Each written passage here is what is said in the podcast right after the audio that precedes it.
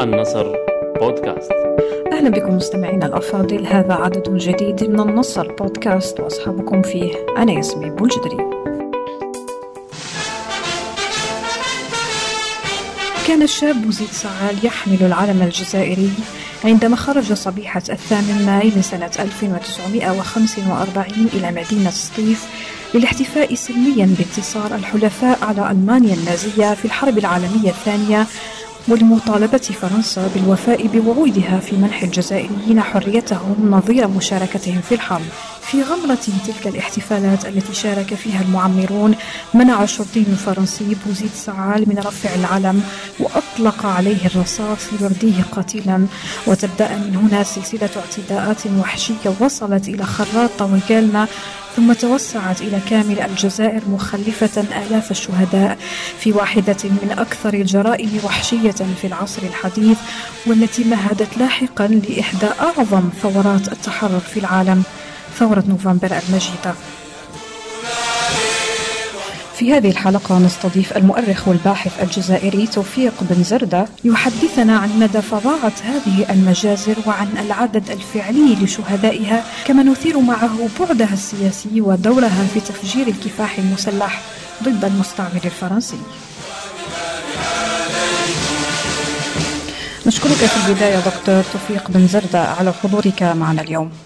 أظهرت مجازر الثامن ماي للعالم الصورة البشعة للاستعمار الفرنسي واستمرت على مدى شهر تم خلاله حرق الجزائريين وقتلهم بالرصاص والغارات ورميهم من الجسور بمشاركة ميليشيات المستوطنين هل يمكن وصف ما حدث بأنه واحد من أبشع جرائم الحرب التي شهدتها الإنسانية وما هو العدد الفعلي لضحاياها؟ كانت النزعة الدموية لدى هذا المستعمر وشيطنته للشعوب الأخرى والنظر إليها بدونية عرقية. انطلاقا من تفوق الرجل الأبيض الأوروبي هي مبررات افتراضية للتصفية الجماعية التي مورست ضد الجزائريين منذ السنوات الأولى للاحتلال مثل مجزرة قابيل العوفية سنة 1832 اللي اقترفها الضابط دورفيغو. أو مجزرة غار الفراشيش التي اقترفت سنة 1845 بقيادة الضابط بيليسي ضد قبيلة ولاد رياح وصلت حتى خنقهم الجماعي داخل مغارة. وتطورت الآلة الإجرامية الفرنسية في الجزائر التي تحولت إلى مستعمرة بخلفية ميدان أرض حرب اقترف ضد إنسانها كل صنوف الجرائم أقول كل آه، كل صنوف الجرائم مثل الجرائم الجسدية التي أخذت في الكثير من من جوانبها. منح التصفية الإثنية والجرائم الفكرية والثقافية والأنثروبولوجية والاجتماعية وغيرها من الجرائم. وحتى الموت الذين تصان حرمتهم أقول وحتى الموت الذين تصان حرمتهم في كل المواثيق والأعراف الإنسانية أصبحت جماجمهم داخل علب كرتونية في متاحفهم الدولية بحجة الدراسات الأنثروبولوجية والإثنولوجية وغيرها من الجرائم. ومن المفارقات أقول ومن المفارقات أنه في الجزائر المستعمرة ولحظة الفوارق التاريخية لم تتوقف الآلة الإجرامية الفرنسية ففي الوقت الذي انتهت فيه الحرب العالمية الثانية وأصبح العالم يتجه نحو حالة استقرار وسكون إنساني. أقول وسكون إنساني عندنا في الجزائر. فتك بهذا الإنسان.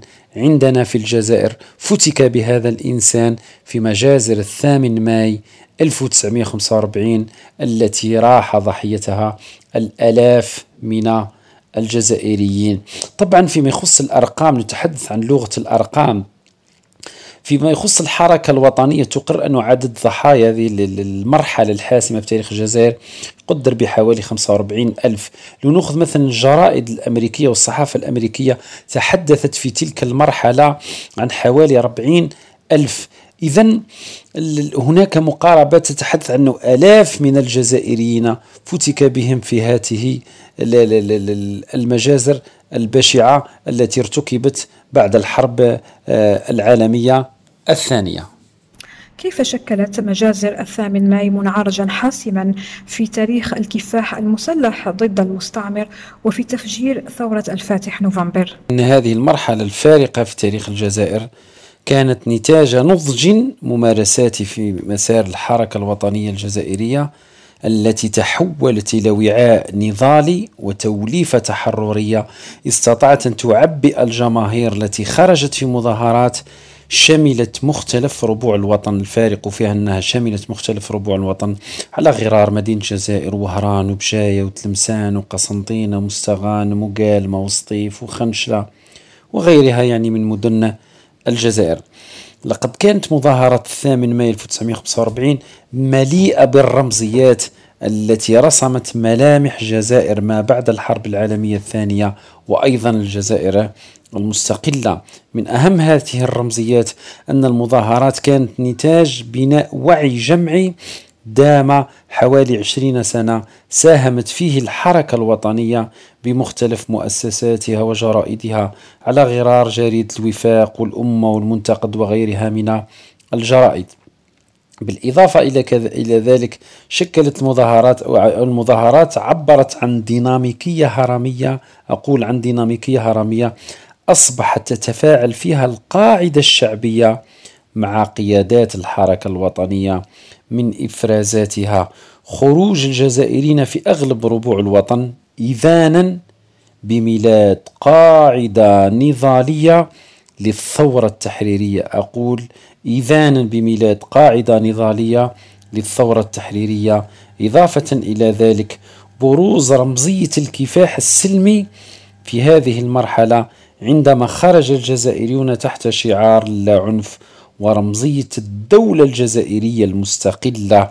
رمزية الدولة الجزائرية المستقلة لأن الثورة التحريرية في النهاية كانت بين أهدافها السامية وهو استقلال الجزائر. لذلك مظاهرات الثامن ماي مهدت لهذه الرؤى الجيو استراتيجية عندما رفعوا العلم الوطني في هذه المظاهرات.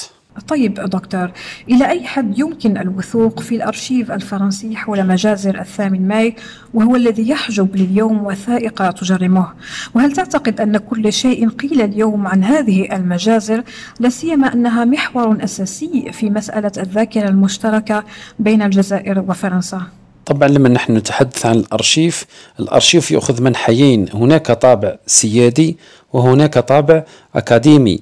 لو نتحدث عن الطابع السيادي للأرشيف نجد أن الدولة الجزائرية اليوم يعني دخلت في, في, في سجال مع الإدارة الفرنسية اليوم من أجل استرداد ما يمكن استرداده من مادة أرشيفية تشكل وعاء للذاكرة وعاء للتاريخ الوطني.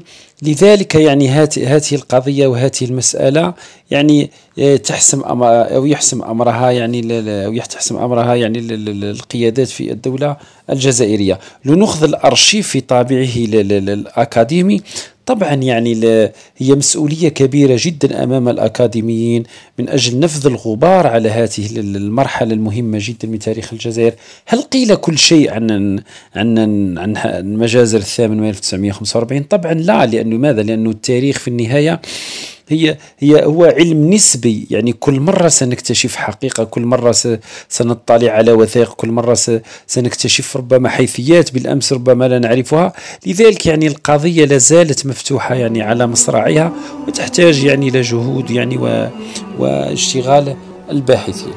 شكرا لك دكتور توفيق بن زردة نشكركم أنتم أيضا مستمعين الأفاضل على طيب المتابعة. في الأخير لا تنسوا الاشتراك في حسابنا على جوجل بودكاست ليصلكم جديد حلقاتنا. يمكنكم أيضا الاستماع إليها في الموقع الإلكتروني لجريدة النصر وكذلك عبر تطبيقي Anchor وسبوتيفاي. إلى اللقاء.